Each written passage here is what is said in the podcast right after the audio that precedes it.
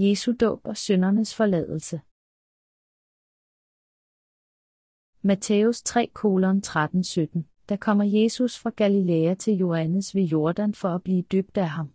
Men Johannes ville hindre ham i det og sagde, jeg trænger til at blive døbt af dig, og du kommer til mig. Men Jesus svarede ham, lad det nu ske. For således bør vi opfylde al retfærdighed. Så føjede han ham. Men da Jesus var døbt, steg han straks op fra vandet, og se, himlene åbnede sig over ham, og han så Guds ånd dale ned ligesom en due komme over sig, og der lød en røst fra himlene, det er min elskede søn, i ham har jeg fundet velbehag. Findes der nogen, som stadig lider af synd? Er vores slaveri af synden forsvundet? Ja, vores Gud Herren har befriet os fra syndens lænker. Alle de, som er underlagt synden, er slaver. Med sin forsoning fjernede Herren lænkerne fra os. Han fjernede al vores synd. Er der stadig nogen, der lider af synd? Vi må forstå, at vores kamp imod synden er til bragt. Vi skal aldrig igen lide af synd. Vores trældom til synden endte, da Jesus frelste os. Alle synder sluttede med dette. Alle vores synder blev uddrevet af hans søn. Gud betalte for alle vores synder igennem Jesus, som satte os fri for evigt. Ved I, hvor meget folk lider under deres synder? Det startede med Adam og Eva. Menneskeheden lider under de synder, som er blevet nedarvet igennem Adam. Men vores Gud sluttede en pagt med os, og den er nedskrevet i 1 Mosebog kapitel 3:15, og den pagt betød, at han ville frelse alle syndere. Han sagde, at menneskene skulle frelses igennem Jesu Kristi offer og ved vandet og helligånden. Og når tiden var inde, ville han sende frelseren, Jesus, for at leve i blandt os. Han lovede også at sende Johannes døberen før Jesus, og han holdt sit ord. I Markus evangeliet kapitel 1-8 står der, begyndelsen på evangeliet om Jesus Kristus, Guds søn. Som der står skrevet hos profeten Esajas, se, jeg sender min engel foran dig, han skal bane din vej. Der er en, der råber i ørkenen, vand herrens vej, gør han stiger jævne. Således trådte Johannes døber frem i ørkenen og prædikede omvendelse stå til syndernes forladelse og hele Judæa og alle Jerusalems indbyggere drog ud til ham, og de blev døbt af ham i Jordanfloden, i det de bekendte deres sønder. Johannes gik klædt i kamelhår og havde et læderbælte om livet, og han levede af græshopper og vildhonning. Og han prædikede, efter mig kommer han, som er stærkere end jeg, og jeg er ikke værdig til at bøje mig ned og løse hans skoram. Jeg har døbt jer med vand, men han skal døbe jer med helligånden vidnet og forløberen for evangeliet Johannes Døber. Hvem er Johannes Døber? Han er ypperste præst og menneskehedens repræsentant. De, som tror på Jesus, er blevet døbt. Dåben betyder at blive vasket og blive begravet, at blive nedsænket at give videre til. Da Jesus blev døbt, blev Guds retfærdiggørelse opfyldt. Retfærdiggørelse hedder på græsk dikaiosune, som betyder at være retfærdig, og det betyder også det mest passende og det rigtige at gøre. For Jesus var det at blive døbt og blive frelseren på den mest passende og den mest rigtige måde. Derfor modtager de, som tror på Jesus, frelsens gave fra Gud ved at tro på dåben, på korset, på vandet og helligånden.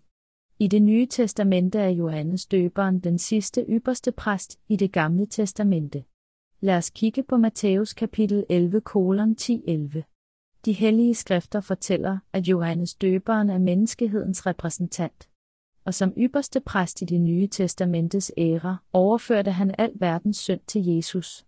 På den måde udfyldte han det gamle testamentes præsteembede. Jesus havde selv bevidnet Johannes identitet, for alle profeterne og loven har indtil Johannes været forudsigelser.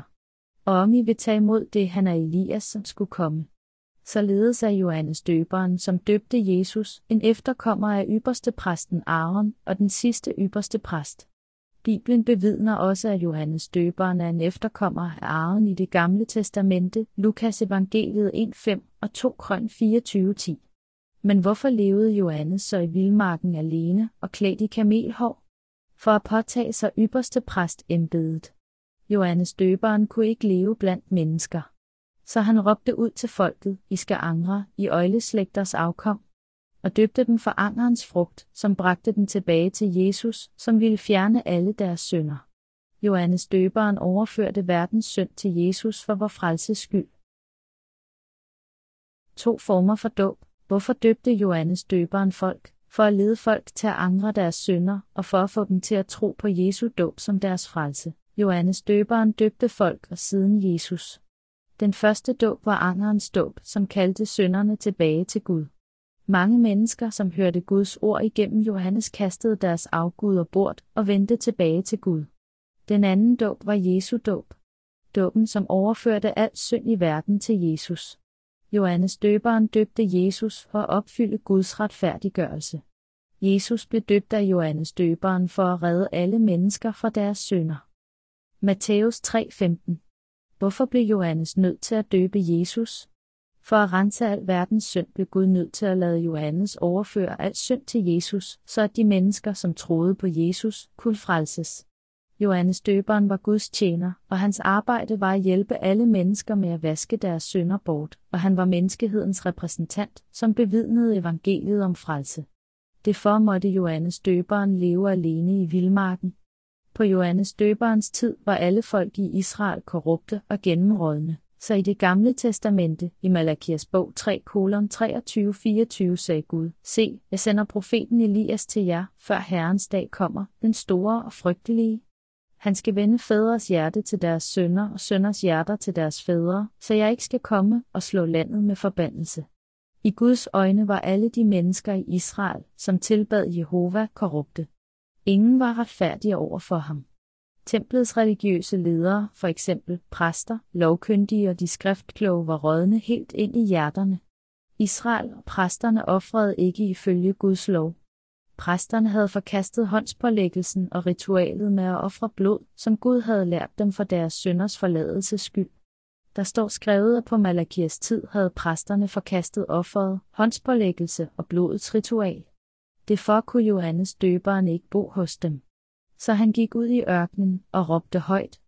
Der råbte han, der står skrevet i Markus evangeliet 1.2 med profeten Esajas ord. Se, jeg sender min engel foran dig, han skal bane din vej. Der er en, der råber i ørkenen, vand Herrens vej, gør hans stier jævne. Stemmen i vildmarken råbte til folk og fortalte om omvendelsens dåb. Hvad er omvendelsens dåb, som Bibelen taler om?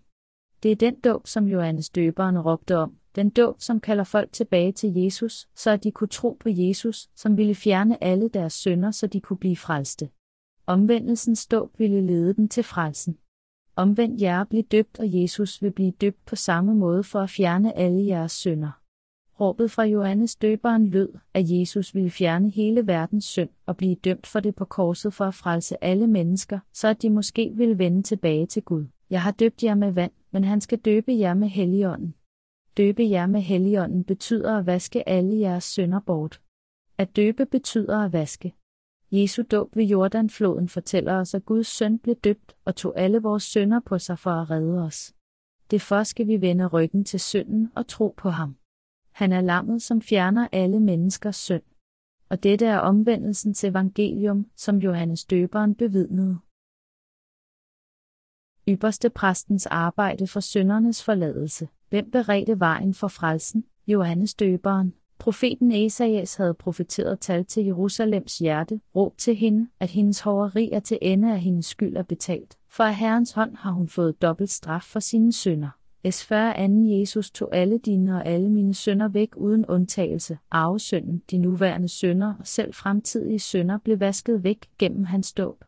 Han frelste os alle. Vi burde alle kende til frelsen. I det, at vi er blevet frelst fra af synd, burde vi vide, at vi skal tro på det evangelium, som siger, at Johannes døber overførte alle synder til Jesus gennem dåben. Vi skal ikke misforstå det, vi tænker. Eftersom Gud er kærlighed, kan vi komme i himlen blot ved at tro på Jesus, selvom der er synd i vores hjerter. For at blive udfriet fra alle vores synder, vil vi nødt til at tro på hans dåb igennem hvilken Johannes døberen overførte al synd i verden til Jesus og korset.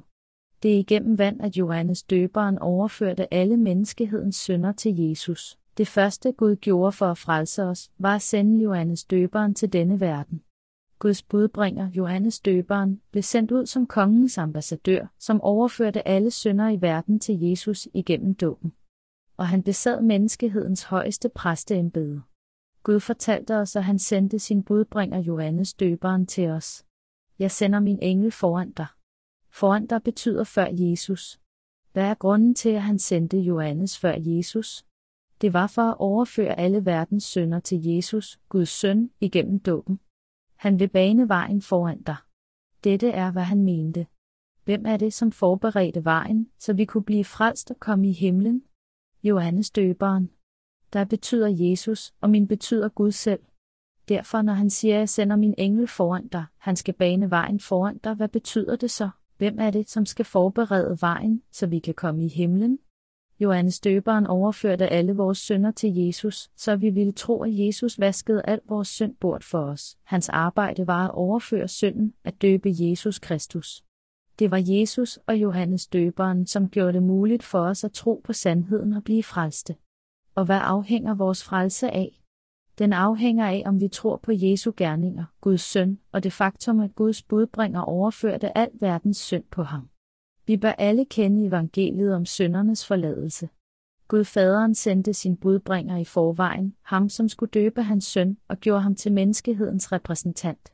Han fuldendte frelsens arbejde for os. Gud sendte sin tjener Johannes døberen for at døbe hans søn, så at Johannes døberen kunne forberede vejen til frelsen for de, som troede på hans søn. Dette er grunden til Jesu dåb. Jesu dåb ved Johannes døberen var frelse gennem hvilken alle menneskehedens sønder blev overført til Jesus, for at alle mennesker skulle tro på Jesus og komme i himlen. Selv menneskehedens kommende sønder blev overført til Jesus gennem hans dåb. Sammen forberedte Jesus og Johannes døberen vejen til himlen for os. På denne måde åbenbarede Gud frelsens hemmelighed igennem Johannes døberen. Som repræsentant for hver eneste af os døbte Johannes døberen Jesus, så vi kunne tro på vores frelse og komme i himlen. Han overførte al synd til Jesus igennem dåben. Dette er frelsens glade budskab, evangeliet. Hvorfor blev Johannes døber født? Igennem hvem kan vi tro på Jesus, Johannes døberen? I Malakias bog 3.1 står der, Se, jeg sender min engel, han skal bane vejen for mig. I skal læse Bibelen omhyggeligt. Hvorfor sendte Gud sin budbringer til os? Hvorfor blev Johannes døberen født seks måneder før Jesus? Vi må forstå, hvad Bibelen egentlig handler om. I det gamle testamente er der et kapitel om ypperste præsten Aarons præsteskab. Aaron var Moses ældste broder. Han og hans sønner var blevet præsteindvidet af Gud. De andre levitter arbejdede for dem, hentede forskellige redskaber til dem, æltede dejen til brød og lignende, imens Arons sønner offrede inde i det hellige tabernakel. Så Arons sønner var blevet salvet til at dele det daglige arbejde ligeligt iblandt dem, men på forsoningsdagen, den tiende dag i den syvende måned, offrede ypperste præsten alene søndofferet for sit folk. I Lukas evangeliet 1.5 er der en historie om Johannes døberens slægt. Vi bliver nødt til fuldt og helt at forstå baggrunden for Guds budbringer for at forstå Jesus korrekt. Vi har en tendens til at tænke meget på Jesus, men ignorerer det meste omkring Johannes døberen, som kom før Jesus. Jeg vil gerne hjælpe jer med at forstå. Begyndelsen på evangeliet om Jesus Kristus, Guds søn. Som der står skrevet hos profeten Esajas, se, jeg sender min engel foran dig, han skal bane din vej. Himlens evangelium begynder altid med Johannes døberen. Når vi fuldt og helt forstår Johannes døberen, kan vi forstå og tro på evangeliet om Jesu frelse. Det er det samme som at lytte til de ambassadører, som vi har sendt ud i verden, for at vi kan forstå alle nationers situation. Når vi ved alt om Johannes døberen, kan vi ligeledes udmærket forstå Guds frelse. Men hvor er det en skam, at så mange kristne i disse dage ikke ser Johannes døberens betydning. Gud sendte ikke Johannes, fordi han kedede sig og ikke havde andet at lave. Alle de fire evangelier i det nye testamente taler først om Johannes døberen, før de taler om Jesu frelse. Men nutidens evangelister ignorerer ham totalt og fortæller folk, at det er nok kun at tro på Jesus for at blive frelst.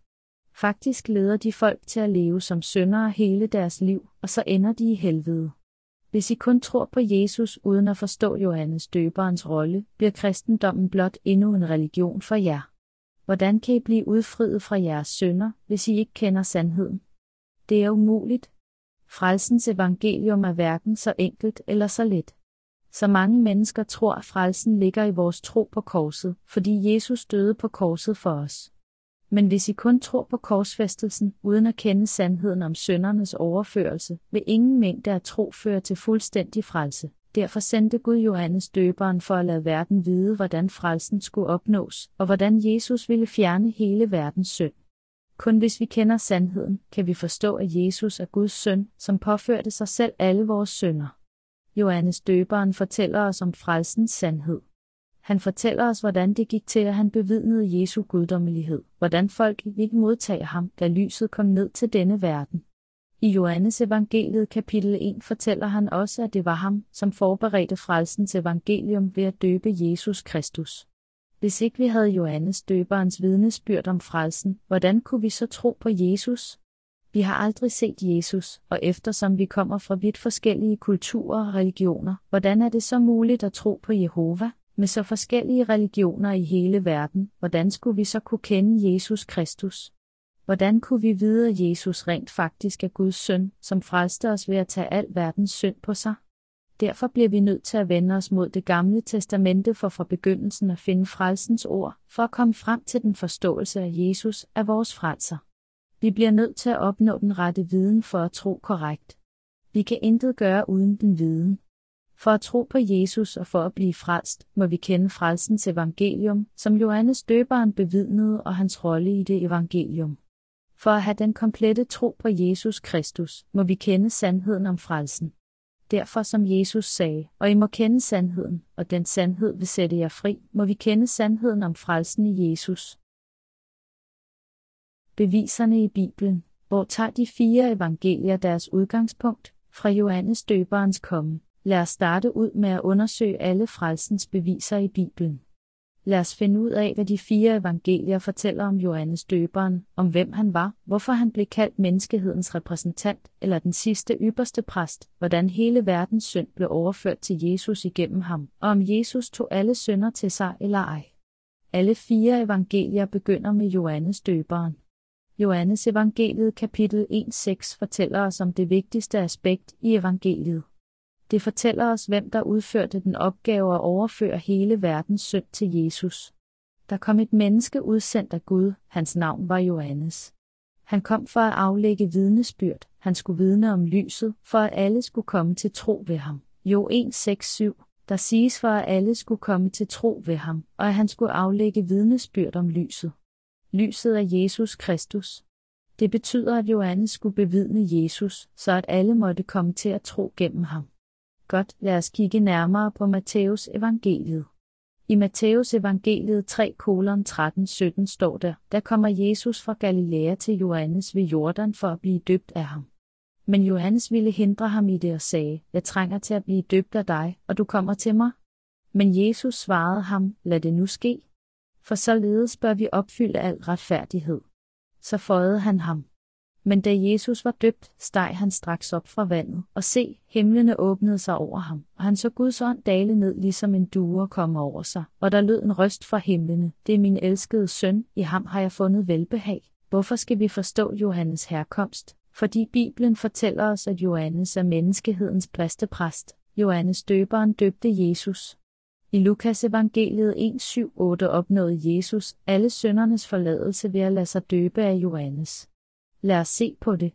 Lukas 1.1.14, eftersom mange andre har søgt at give en fremstilling af de begivenheder, som har fundet sted i blandt os, sådan som det er blevet overleveret os af dem, der fra begyndelsen var øjenvidner og ordets tjenere, har også jeg besluttet nøje at gennemgå alt forfra og nedskrive det for dig i rækkefølge, højdaget Theophilus, hvor du kan vide, hvor pålideligt det er, som du er blevet undervist i.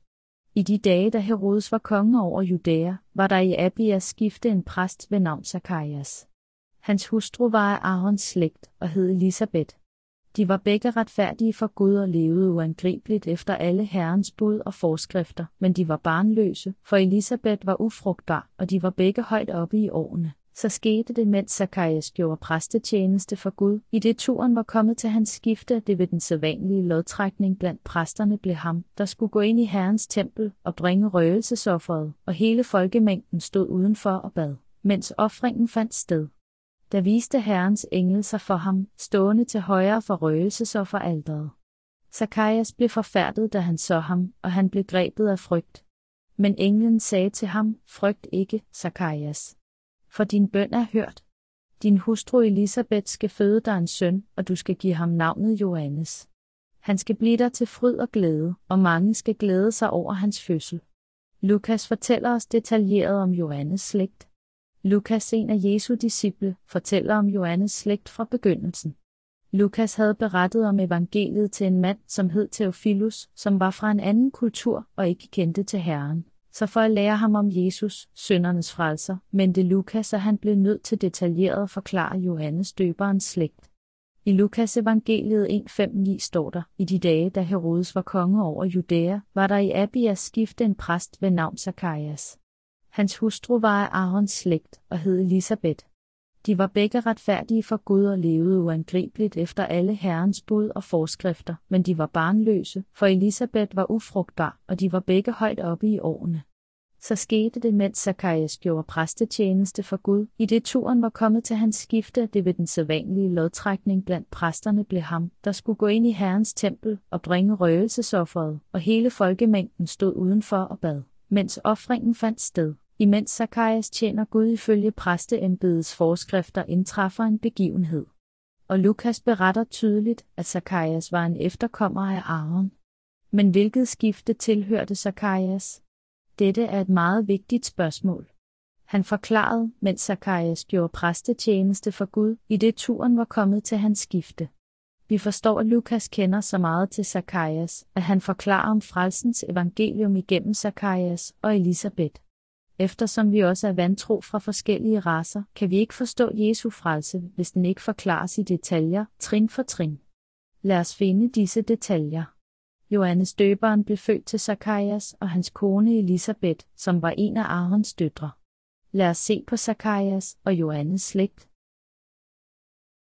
Johannes døbers slægt. Hvem var Johannes døberens forfader? Aaron, ypperste præsten. For at forstå Johannes døberens slægt må vi læse 1. krønikebog 24.1.19 i det gamle testamente. Aarons sønner var også inddelt i skifter. Aarons sønner var Nadab, Abihy, Eleazar og Itamar. Nadab og Abihy døde før deres far, de havde ingen sønner. Eleazar og Itamar gjorde præstetjeneste. David og Sadok, der hørte til Eleazars sønner, og Akimelek, der hørte til Itamars sønner, inddelte dem i embedsskifter til deres tjeneste. Det viste sig, at Eleazars sønner havde flere overhoveder end Itamars, og de delte dem således. Eleazars sønner fik 16 overhoveder for fædrene huse, og Itamars sønner fik 8. De delte begge parter ved lodkastning, for der var hellige fyrster og gudsfyrster både blandt Eleazars sønner og blandt Itamars sønner. Skriveren Shimaya, Netanels søn, en af levitterne, skrev dem op i nærværelse af kongen, stormændene, præsten Sadok, Akimelek, Ebshatars søn, og overhovederne for præsternes og levitternes fædrene huse. Der blev hver gang udtaget to fædrene huse fra Eleazar og et fra Itamar. Det første lod faldt på Joaib, det andet på Jedaja, det tredje på Haran, det fjerde på Seorim, det femte på Malkia, det sjette på Miamin, det syvende på Kos, det ottende på Abia, det niende på Jeshua, det tiende på Shekania, det elfte på Elshashib, det tolvte på Jakim, det 13. på Hupa, det 14. på Jesebab, det 15. på Bilja, det 16. på Immer, det 17. på Hesir, det 18. på Happis, det 19. på Petakia, det 20. på Ezekiel, det 21. på Jakin, det 22. på Gamul, det 23. på Delager og det 24. på Emaasha. Det var embedsskifterne til deres tjeneste, når de gik ind i Herrens tempel i overensstemmelse med den forordning for dem, som deres far Aaron havde givet, sådan som Herren, Israels Gud, havde befalet ham. Lad os læse vers 10 igen. Det syvende på Kos, det ottende på Abia. Det David gjorde her, var at uddele lodder til alle Aarons sønner. Så offringerne fandt sted i en bestemt orden som i alle ved var Aaron Moses ældste broder. Gud udnævnte Moses til sin mellemmand og Aaron til ypperste præst for det hellige tabernakel for Israels folk. Alle andre levitter blev underlagt præsterne, og Aaron og hans sønner var ansvarlige for alle ofringer til Gud. Før David tildelte lodder, måtte præsterne, Aarons efterfølgere, hver gang trække lod, og det havde foranledet meget forvirring. Det fororganiserede David systemet ved at sætte hver afdeling i orden. Der var 24 afdelinger arrangeret i en opdeling, som stammede fra Aarons børnebørn, og den 8. var Abia. Og det er sagt, og en vis præst ved navn Zakarias fra Abias afdeling. Så Zakarias var en præst fra Abias afdeling, og de var begge efterkommere af Aaron, ypperste præsten. Det var Zakarias, en præst i Abias afdeling, som var fader til Johannes døberen. Vi ved fra Bibelen, at det var skik at gifte sig inden for familien. Som I ved, giftede Jakob sig med sin onkels datter på sin mors side. og denne forklaring vedrørende slægten er af stor vigtighed. Det siges, at en præst ved navn Zacharias fra Abias afdeling. Han var uden tvivl en af Aarons efterkommere. Hvem? Zacharias, Johannes døberens fader. Dette er et vigtigt element, når man forklarer om Jesu forsoning og Johannes døberens præstegærning og om overførelsen af al verdens synd til Jesus. Kun Arons sønner skal tjene som præster. Hvem kunne tjene som ypperste præster i det gamle testamentets tid? Aaron og hans efterkommere, hvor i Bibelen er det uddybet, at Arons sønner skulle tjene som præster. Lad os se på det. I 4. Mosebog 20, 22-29, så brød israelitterne op for Kadesh, og hele israelitternes menighed kom til bjerget Hor. Og ved bjerget Hor på grænsen til Edom sagde Herren til Moses og Aaron, Aaron skal gå til sin slægt, han må ikke komme ind i det land, jeg har givet israelitterne, for I trodsede Herrens befaling ved Mabas vand. Tag Aaron og hans søn Eleazar og før dem op på bjerget Hor. Tag så klæderne af Aaron og giv hans søn Eleazar dem på. Der skal Aaron gå til sin slægt og dø. Moses gjorde, som Herren havde befalet. De gik op på bjerget Hor for øjnene af hele menigheden.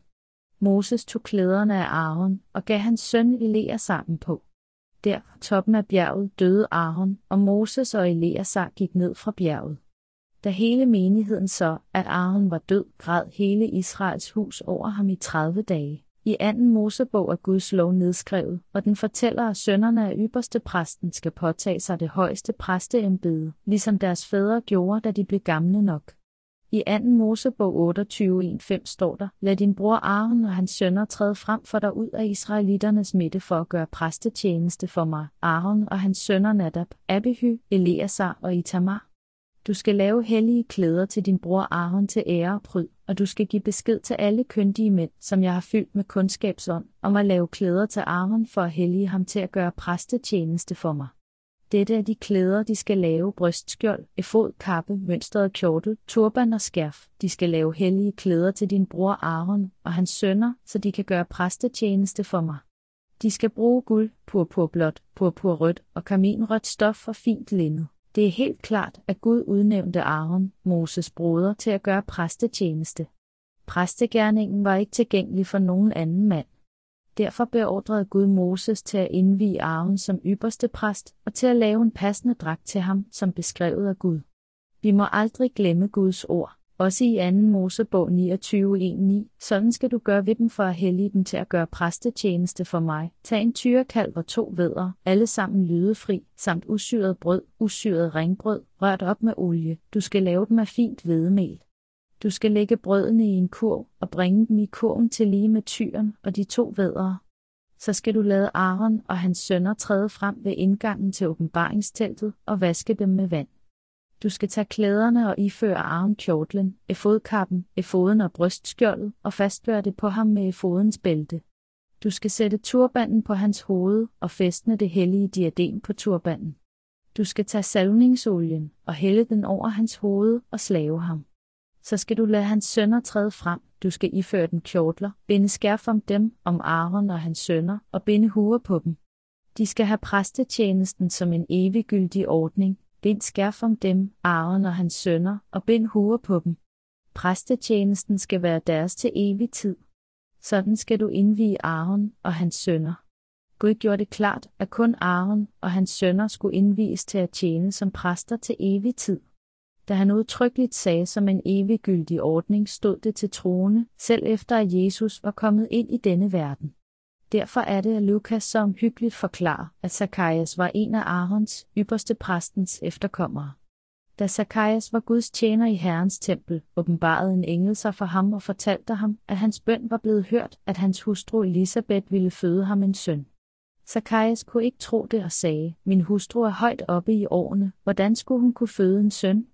Fordi han tvivlede, gjorde Gud ham i et stykke tid stum for at vise, at hans ord var sande. Hans kone blev gravid, og efter nogen tid blev Maria, en jomfru, også gravid. Begge hændelser var Guds forberedende arbejde for vores frelse. For at frelse den fordærvede menneskehed, blev han nødt til at sende sin tjener Johannes og sin enborne søn Jesus til denne verden. Derfor fik han sin søn døbt af Johannes, for at alle verdens sønder kunne overføres til ham, så at de, som troede på ham, kunne frelses. Guds særlige forsyn. Hvem forberedte Gud før Jesus på frelsesarbejdet? Johannes døberen. Jesus Kristus var menneskehedens frelser. Han som blev født af jomfru Marias krop. Maria var trolovet med Josef, som var en af Judas efterkommere. Jesus blev nødt til at blive født igennem Judas efterkommer for at opfylde Guds pagt, ligesom Johannes døberen måtte fødes ind i ypperste præsten Arons hus. Gud forberedte disse to til at fødes ind i denne verden, Johannes før Jesus. Johannes blev født, for at han skulle døbe Jesus og overføre al verdens synd til ham. En efterkommer af ypperste præsten måtte ofre forsoningsofferet for at opfylde Guds pagt, som han havde lovet det i det gamle og det nye testamente, for at alle ville tro på evangeliet om Jesu frelse og forsoning og udføre det korrekt. I anden Mosebog gav Gud sin lov og sine pagter til Israel, Guds lov og loven, som tilrettelagde offerpræstens gerning i tabernaklet, til præsternes dragter, detaljer vedrørende offeret og præsteembedets arvefølge til præsternes sønner.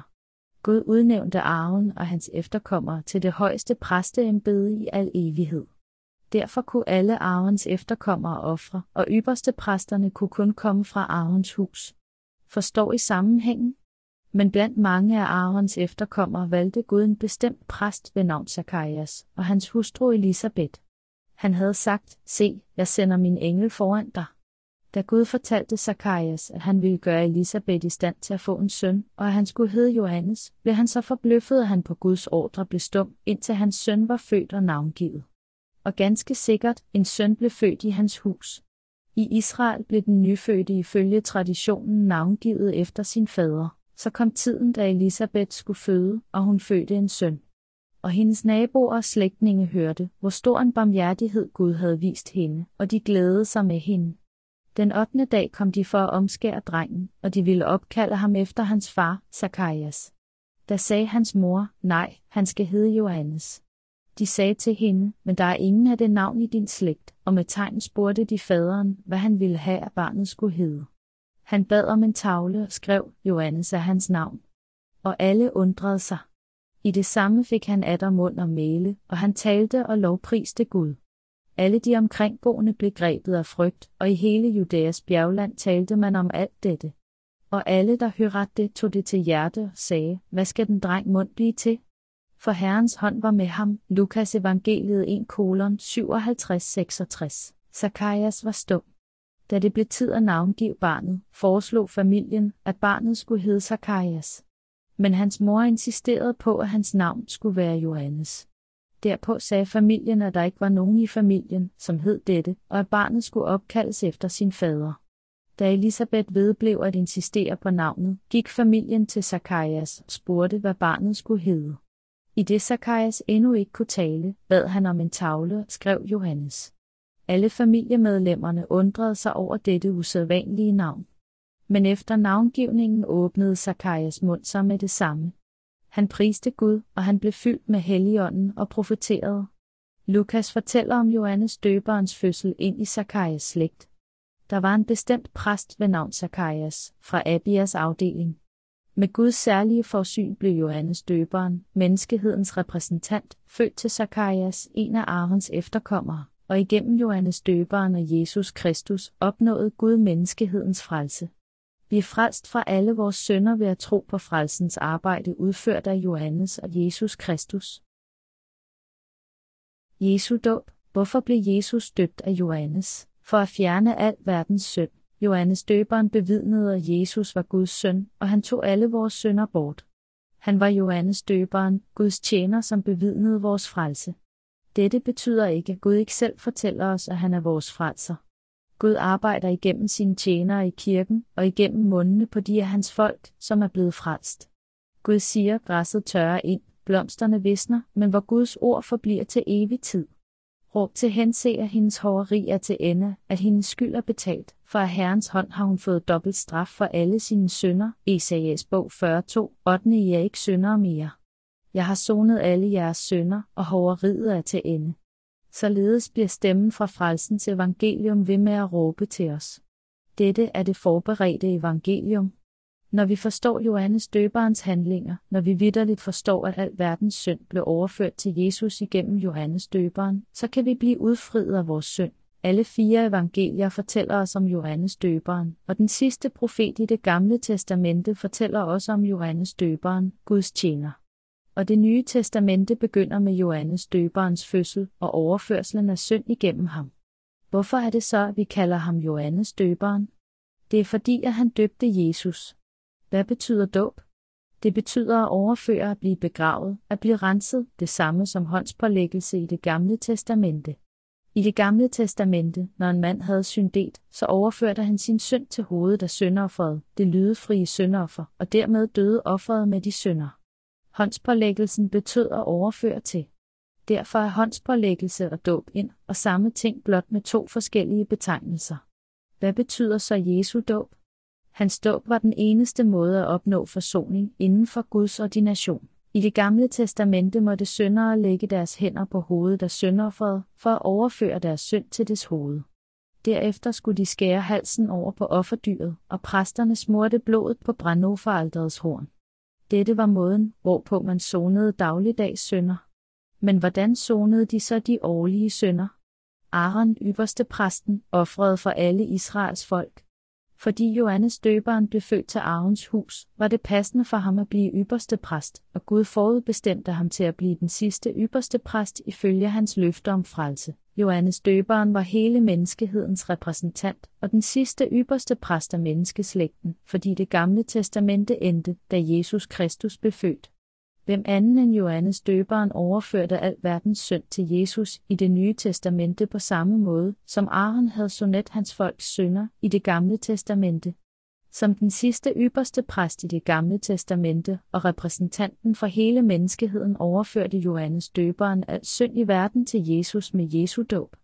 Fordi Johannes overførte al synd til Jesus, kan vi opnå frelse ved at tro på evangeliet om vandet og helligånden. Jesus blev lammet for at redde alle syndere, og dermed udførte han frelsens arbejde, som Gud havde planlagt det. Jesus fortalte os, at Johannes døberen var den sidste profet, den sidste ypperste præst, som overførte al synd i verden til ham. Hvorfor kunne Jesus ikke selv gøre det? Hvorfor havde han brug for Johannes døberen? Der var en grund til, at Johannes døberen kom seks måneder før Jesus. Det var for at opfylde loven i det gamle testamente, for at gøre det gamle testamente fuldstændigt. Jesus blev født til jomfru Maria og Johannes døberen til en gammel kvinde ved navn Elisabeth. De var Guds produkter, og han planlagde, at de skulle frelse alle syndere. For at redde os fra krigen mod synden og hele den syndefulde menneskeheds lidelse, sendte han sin tjener Johannes, og så sin egen søn Jesus. Johannes døberen blev sendt som menneskehedens repræsentant, den sidste ypperste præst. Den største mand født af en kvinde. Hvem var den største mand på jorden? Johannes døberen. Lad os se på Matthæus evangeliet 11, 7, 14. Da de var gået, begyndte Jesus at tale til folkeskarne om Johannes. Hvad gik I ud i ørkenen for at se? Et siv, der svejer for vinden? Nej, hvad gik I ud for at se? Et menneske i fornemme klæder? Se de, der bærer fornemme klæder, findes i kongeslottene. Nej, hvad gik I ud for at se? En profet? Ja, jeg siger jer, også mere end en profet.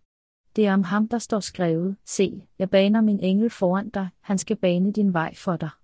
Sandelig siger jeg jer, blandt kvindefødte er der ikke fremstået nogen større end Johannes døber. Men den mindste i himmeriget er større end han. Fra Johannes døbers dage indtil nu er himmeriget blevet stormet, og de fremstormende river det til sig.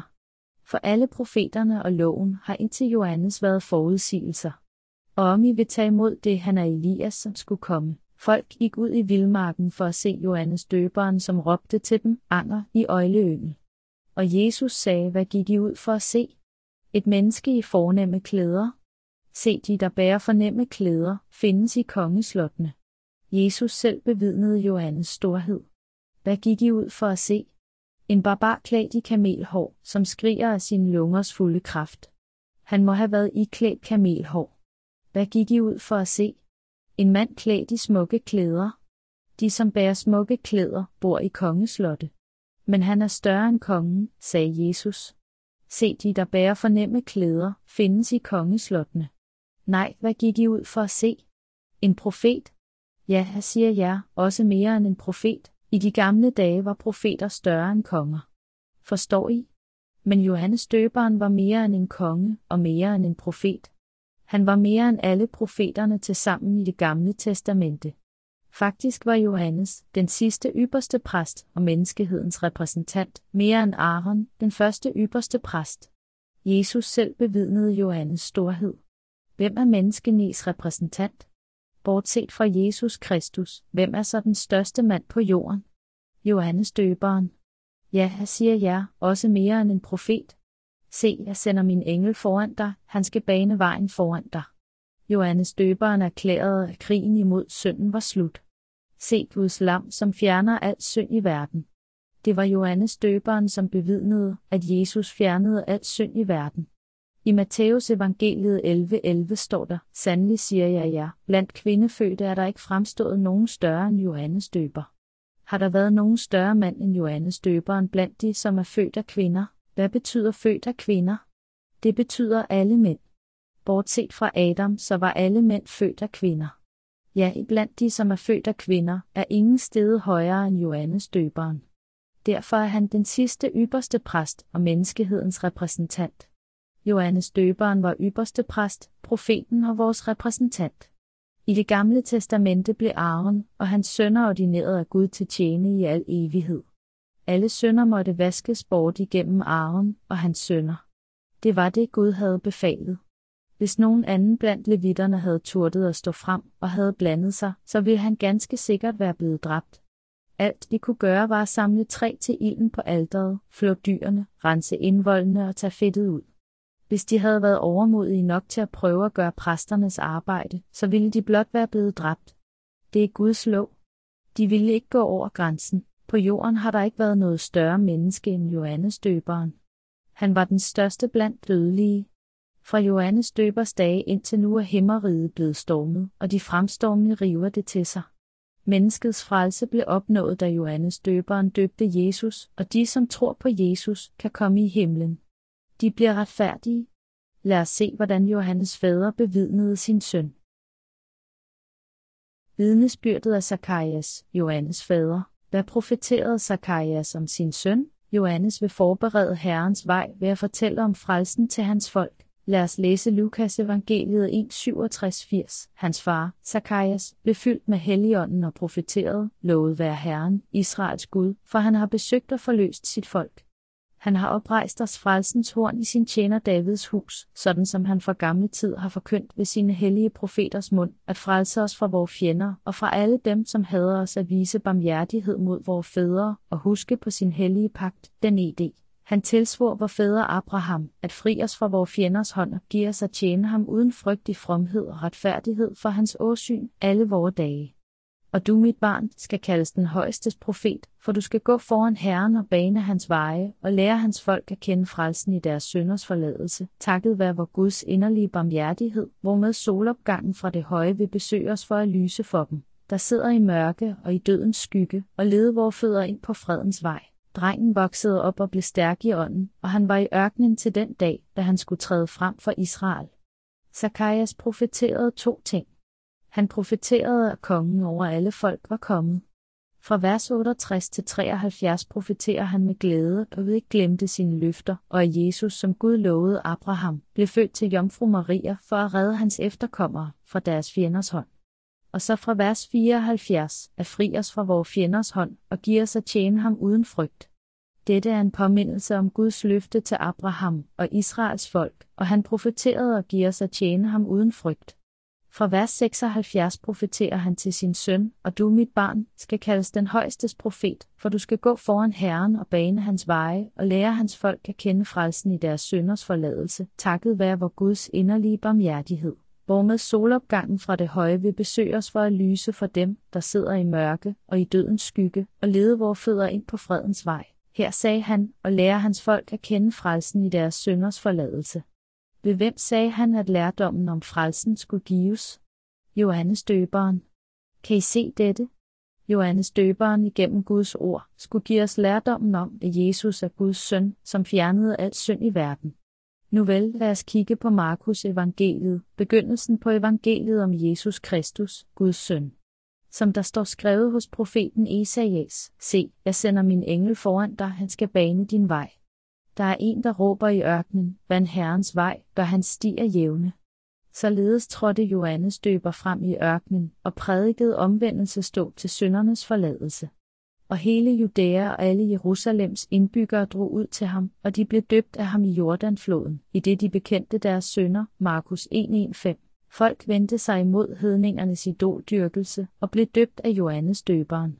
Men Johannes erklærede, jeg døber jer med vand, så I må vende tilbage til Gud. Men Guds søn vil komme og blive døbt af mig, så alle jeres sønder bliver overført til ham.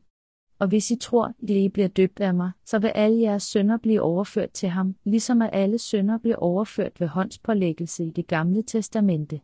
Det var, hvad Johannes erklærede. Det faktum, at Jesus blev døbt i Jordanfloden betyder, at han blev døbt i dødens flod. Ved begravelser synger vi, i det søde herefter, vil vi mødes ved den smukke bred.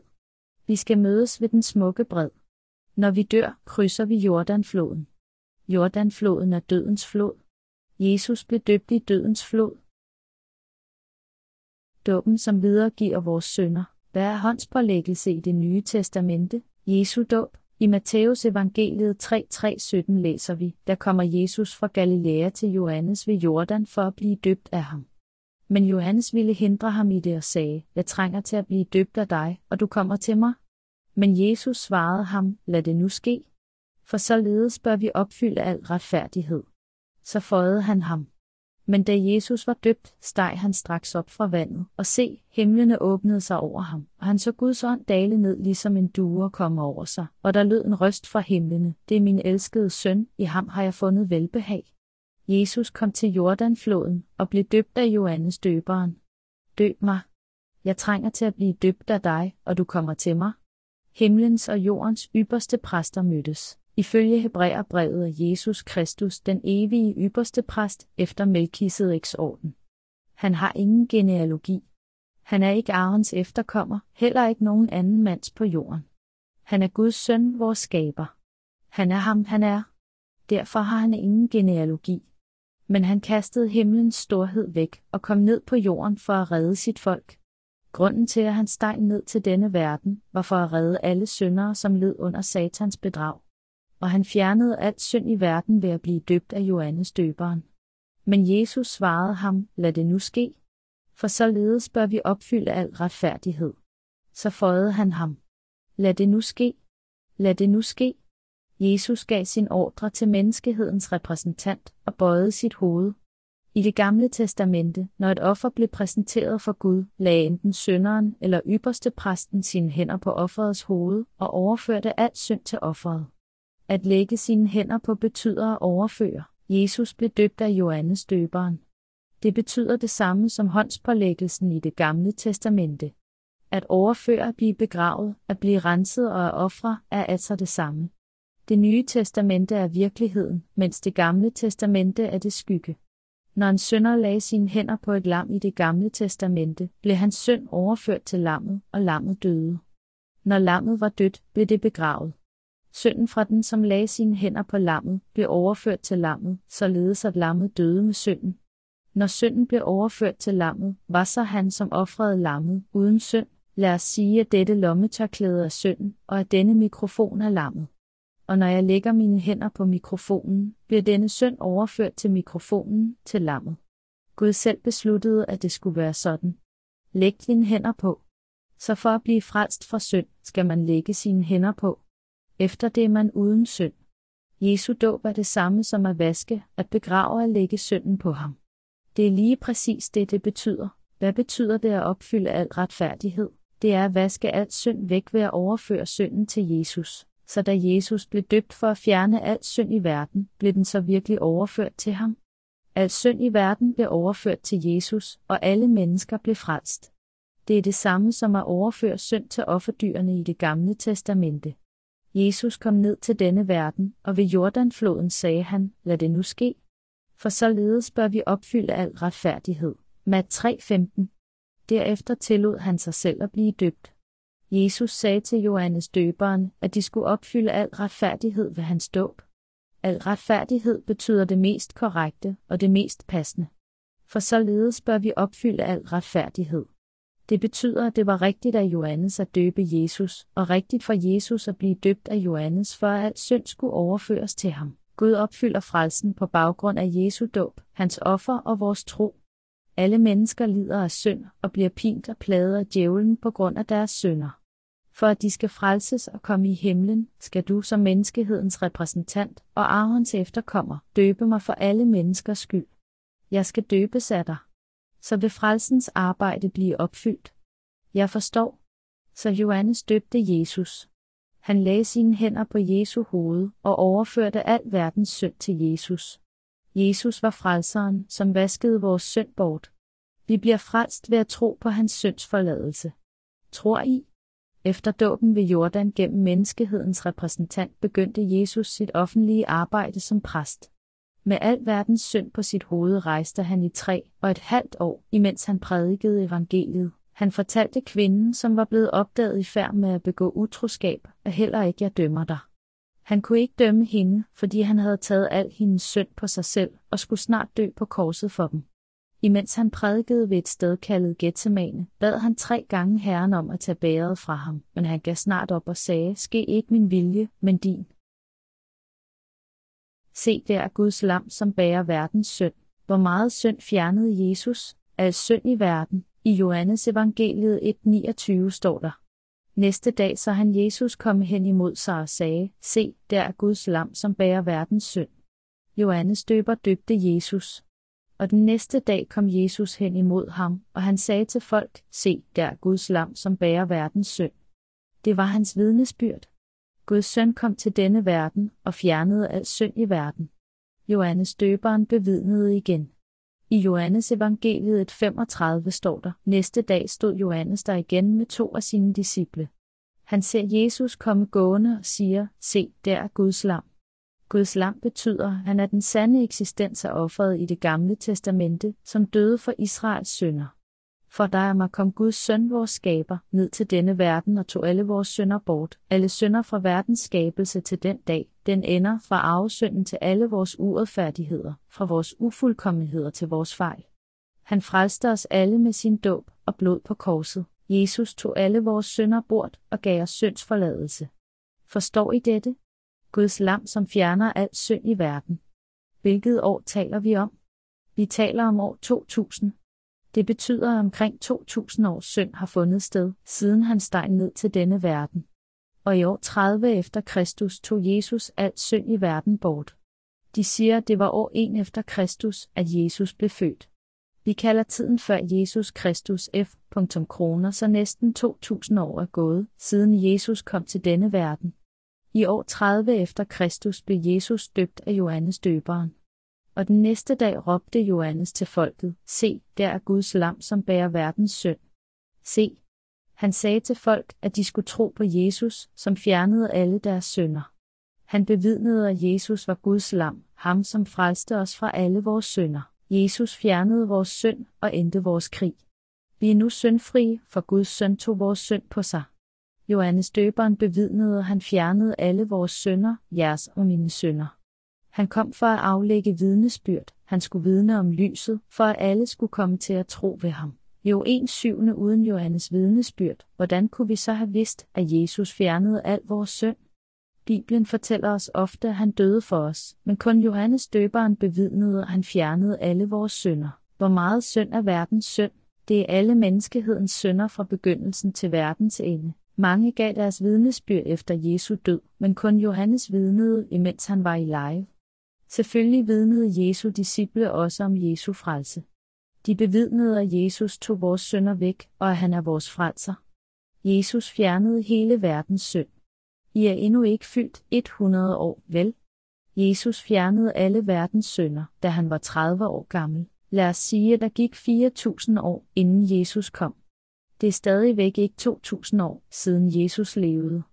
Vi ved ikke, hvor lang tid der går, men enden kommer ganske vist. Jeg er alfa og omega, den første og den sidste, begyndelsen og enden. OB 2213. Så enden vil ganske sikkert komme. Og vi er ved det punkt indikeret af år 1999. Kristus fjernede vores synd i år 30 efter Kristus, og det var tre år før han døde på korset. Se der Guds lam, som bærer verdens synd. Han fjernede verdens synd, dine og mine sønder. Vi er så langt fra Jesu fødsel, omkring 2000 år. Vi lever nu vores liv omkring 2000 år efter Jesus fjernede vores sønder. Og på denne tid og dette sted lever vi stadig med synden. Jesus er Guds lam, som bar verdens synd på sine skuldre. Vi begynder at leve i denne syndige verden fra den dag, vi bliver født. Synder vi alle fra det øjeblik, vi bliver født, eller gør vi ikke? Det gør vi. Lad os gennemgå det hele. Fra den dag, vi bliver født, til vi er 10 år gamle, synder vi eller ej? Det gør vi. Blev disse synder så overført til Jesus eller ej? Det gjorde de. Fordi alle synder blev overført til Jesus. Han er vores frelser. Hvis ikke synderne blev overført til ham, hvordan kunne han så være vores frelser? Alle vores synder blev overført til Jesus. Fra alderen 11 til 20 synder vi så. Vi synder i vores hjerter, i vores handlinger. Og vi er meget gode til det. Vi har lært, at vi ikke skal synde, men vi gør det så let alligevel. Og Gud fortæller os, at disse synder blev overført til Jesus. Han vidste, hvad vi var, så han fjernede disse synder i forvejen. Og hvor længe lever vi almindeligvis i denne verden? Lad os sige omkring 70 år. Hvis vi lægger alle de synder sammen, som vi har begået i disse år, hvor tungt ville det så være? Hvis vi læssede dem på en 8 tons tung lastbil, så skulle vi højst sandsynligt bruge mere end 100 lastbiler. Bare prøv at forestille jer, hvor meget synd vi begår i vores levetid. Er disse verdens synder, eller er de ikke? De er verdens synder. Vi synder mellem 20 og 30, og de synder er også verdens synder. Menneskets frelser, Jesus Kristus. Hvor meget synd fjernede Jesus? Alle vores forfædres synder, alle vores synder og alle vores efterfølgeres synder til verdens ende. Jesus fortæller os, at han vaskede disse synder væk. Jesus kunne ikke selv sige døb mig, så Gud sendte sin tjener Johannes i forvejen, menneskehedens udvalgte repræsentant. Hans navn vil blive kaldt vidunderligt, rådgiver, mægtige Gud af ham selv og hans visdom af hans råd. Han sendte menneskehedens repræsentant i forvejen, og ham selv, Guds søn, steg ned til verden i kød og blod og fjernede alt synd i verden igennem ham. Er det ikke en vidunderlig frelse? Det er vidunderligt, er det ikke? Så bare en gang ved at blive døbt af Johannes døberen, vaskede han al menneskehedens synd væk og udfriede alle fra synd ved at blive korsfæstet. Han udfriede os alle. Tænk på det. Alle jeres synder fra 20 til 30, 30 til 40, 40 til 60, 60 til 100, så er der jeres børns synder. Udviskede han jeres synder, eller gjorde han ikke? Ja, det gjorde han. Han er Jesus Kristus, menneskehedens frelser, fordi Johannes døberen overførte al vores synd til Jesus, og fordi Gud havde planlagt det, kan vi frelses ved at tro på Jesus. Er I og jeg syndere? Blev alle vores synder overført til Jesus, eller ej? Vi er ikke længere syndere, og vores synder blev overført til Jesus. Hvem våger at sige, at der er synd i denne verden? Jesus fjernede hele verdens synd. Han vidste, at vi ville synde, og fjernede derfor alle fremtidige synder. Nogle af os er endnu ikke fyldt 50, og nogle har endnu ikke levet halvdelen af deres liv, men vi omtaler os selv, også jer som om vi har levet altid. Der er så mange af os, som lever turbulente liv. Lad mig forklare det på denne måde. Hvor meget er halvdelen af en døgnflues liv? 12 timer, du godeste. Jeg mødte denne her mand, og han slog efter mig med en fluesmækker, og jeg blev næsten slået ihjel, og ved du. Fluen havde kun levet 12 timer og kunne ikke holde op med at snakke. Men der var allerede halvdelen af dens liv gået. Omkring klokken 7 eller 8 om aftenen er den i dets livs tusmørke, og kort efter er den død. Nogle overlever i 20 timer, og nogle lever til den modne alder af 24 timer. De taler måske om deres livserfaring, men hvad ligner det for os? Eftersom vi lever, til vi er 70 eller 80 år gamle, så kan vi sige for mig ikke til at le. Deres livserfaring er intet værd i vores øjne. Gud er evig. Han lever i al evighed. Han beslutter begyndelsen og enden. Og eftersom han lever for evigt, lever han i en evig tidsramme. Han ser på os i sin evighed. En gang fjernede han al synd i verden, døde på korset og sagde, det er fuldbragt. Han genopstod efter tre dage og steg til himmels. Nu er han i al evighed. Nu ser han ned på hver af os, og en mand siger, åh, jeg har syndet så meget. Selvom jeg kun har levet i 20 år, har jeg syndet så meget. Og en anden mand siger, jeg har levet i 30 år, og jeg har syndet så meget. Alt for meget. Hvordan kan jeg nogensinde blive tilgivet? Men Herren i sin evighed ville sige, få mig ikke til at le. Jeg har ikke blot sonet jeres sønder indtil nu, men også jeres forfædres sønder og kommende generationers søn, jeres efterkommere, som vil leve efter, at I er døde. Han siger dette til jer fra evigheden. Tror I dette? Tro det, og modtag frelsens gave, som bliver givet til jer. Og træd ind i himlens rige. Tro ikke på jeres tanker, men på Guds ord. For således bør vi opfylde al retfærdighed. Al retfærdighed blev allerede opfyldt af Guds lam, som fjernede al synd i verden. Jesus fjernede al synd i verden. Gjorde han eller gjorde han ikke? Det gjorde han. Hvad sagde Jesus til sidst på korset? Det er fuldbragt. Jesus Kristus fjernede al verdens synd, blev dømt til døden af Pontius Pilatus og blev korsfæstet. Så tog de Jesus med sig, han bar selv korset og gik ud til det sted, som kaldes hovedskasted, og som på hebraisk hedder Golgata, hvor de korsfæstede ham, og sammen med ham to andre, en på hver side, med Jesus i midten. Pilatus havde lavet en indskrift og sat den på korset. Den lød, Jesus fra Nazareth, jødernes konge. Den indskrift læste mange af jøderne, for stedet hvor Jesus blev korsfæstet, lå nær ved byen, og den var skrevet på hebraisk, latin og græsk. Jo 19 kolon 1720. Lad os se på, hvad der skete efter, at han var blevet korsfæstet. Derefter, da Jesus vidste, at alt nu var fuldbragt, og for at skriften skulle opfyldes, sagde han, jeg tørster. Der stod et kar fyldt med eddike. De satte så en svamp fyldt med eddiken på en isopstængel og stak den op til hans mund. Da Jesus havde fået eddiken, sagde han, det er fuldbragt. Og han bøjede hovedet og opgav ånden. Jo 19 kolon 2830. Efter han havde modtaget eddiken, sagde han, det er fuldbragt, og bøjede sit hoved og opgav ånden. Han var død, og Jesus Kristus genopstod tre dage efter og steg til himmels.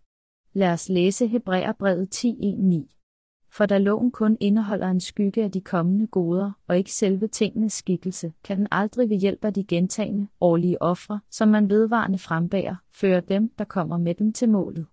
Vil man ellers ikke være hørt op med at frembære ofre, når de, der dyrker Gud, ikke er så nogen synd bevidst, eftersom de engang er blevet renset? Men i ofringerne ligger en årlig påmindelse om synder, for blod af tyre og bukke kan umuligt tage synder bort. Derfor siger han, da han træder ind i verden, slagtoffer og afgrødeoffer vil du ikke have, men et læme har du beredt mig, brandoffer og syndoffer ønsker du ikke. Da siger jeg, se jeg er kommet, i bogrullen er der skrevet om mig, for at gøre din vilje, Gud. Mens han først siger slagtoffer og afgrødeoffer, brandoffer og syndoffer vil du ikke have, og du ønskede dem ikke, og det er dem, der frembæres som ofre ifølge loven, så fortsætter han, se, jeg er kommet for at gøre din vilje. Han ophæver altså det første for at sætte det andet i kraft.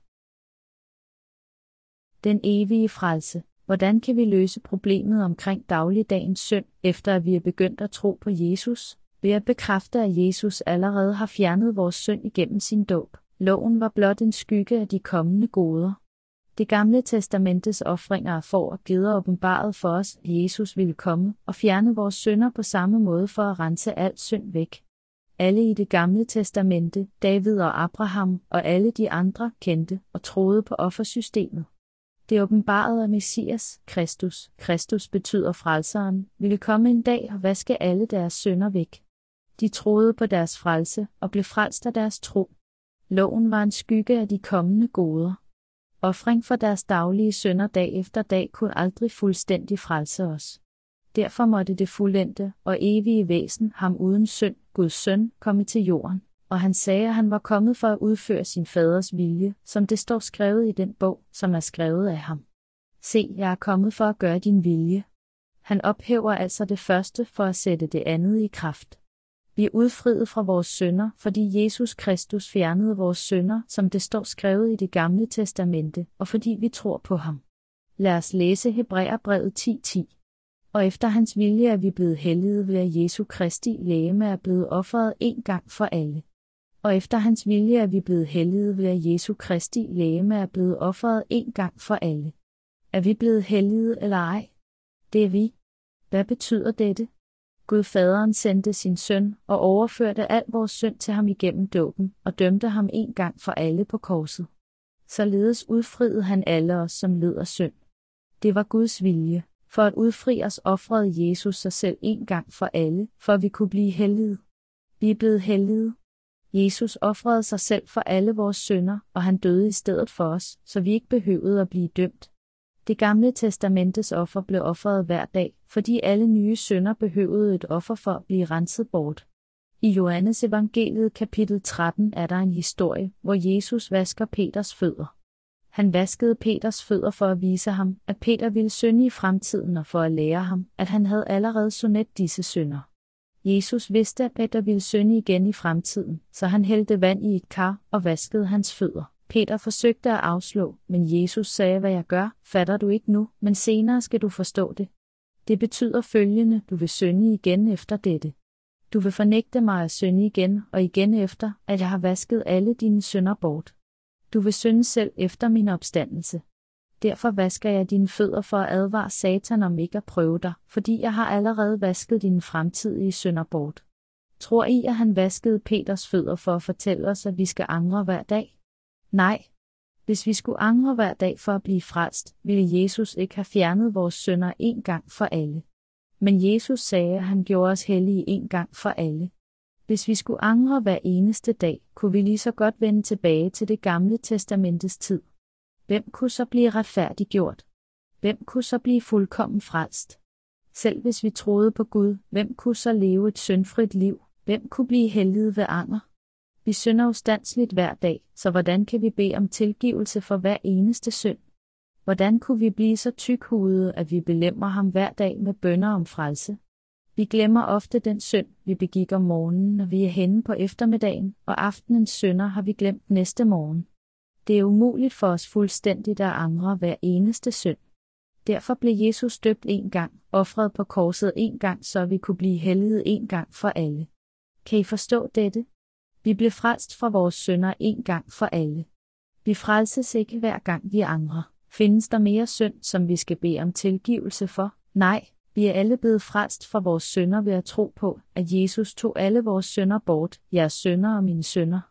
En hver anden præst står dag efter dag for retter tjeneste og frembærer regelmæssigt de samme ofre, som alligevel aldrig kan fjerne synder, men denne præst har frembåret et eneste, eviggyldigt offer for synder, og derefter taget sæde ved Guds højre hånd, hvor han kun venter på, at hans fjender skal blive lagt som en skammel for hans fødder for ved et eneste offer har han for altid ført dem, han helliger til målet.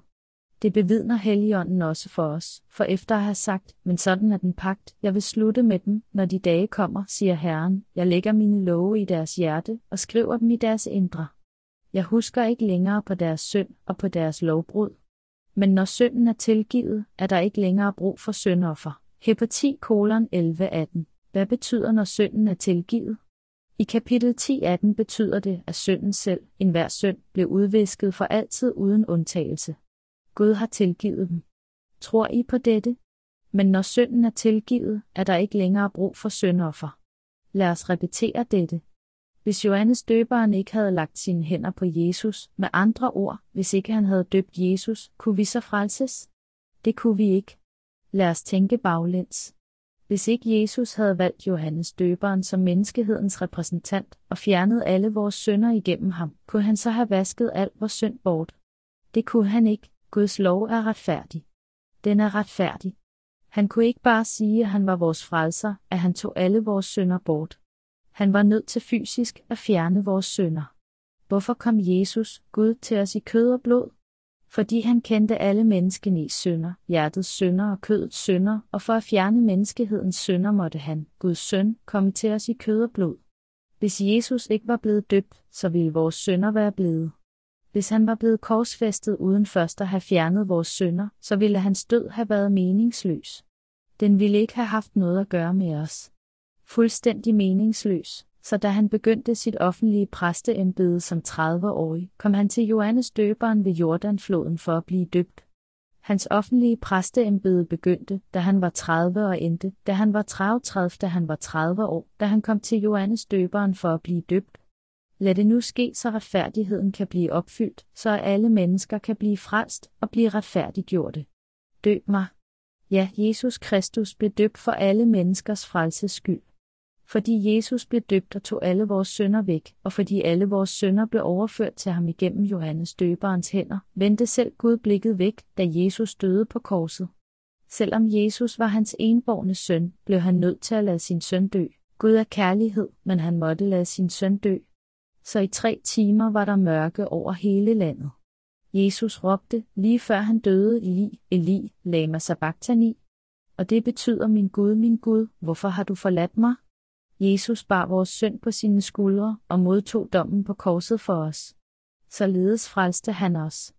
Uden Jesu dåb ville hans død have været meningsløs. Er du en synder eller et retfærdiggjort menneske? Et retfærdiggjort menneske, som ikke har synd i sit hjerte. Hvis Jesus var død på korset uden at have taget vores synd med sig, uden at have været døbt, så ville hans død ikke have resulteret i vores frelse. For at frelse os blev Jesus døbt af Johannes døberen, menneskehedens repræsentant, og modtog dommen på korset for at alle de, som tror på ham, skal blive frelst. Derfor fra Johannes døberens dage til i dag, har himlens rige lidt under vold. Fordi Johannes døberen overførte al vores synd til Jesus, kunne jeres og mine sønner sones. Derfor kan I og jeg kalde Gud for vores fader og komme i himlens rige. I Hebræerbrevet 10.18 står der, men når synden er tilgivet, er der ikke længere brug for syndoffer. Er I syndere? Nu da Jesus har betalt jeres gæld, behøver I så stadig at betale den gæld? Der var en mand, hvis store alkoholforbrug satte ham i gæld til flere mennesker.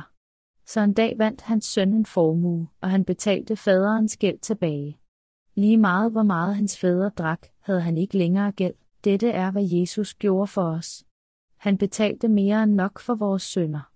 Ikke bare sønderne i vores egen levetid, men al synd i verden.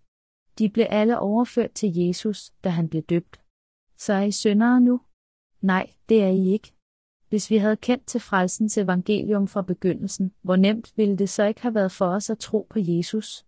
Men som det er nu, lyder det så nyt, at mange mennesker undrer sig over det. Men det er ikke nyt. Det har eksisteret siden begyndelsen. Vi vidste det bare ikke. Vandets og Helligåndens evangelium har altid været en del af de hellige skrifter. Det har været der hele tiden. Det var her før I og jeg blev født. Det har været her siden jordens skabelse.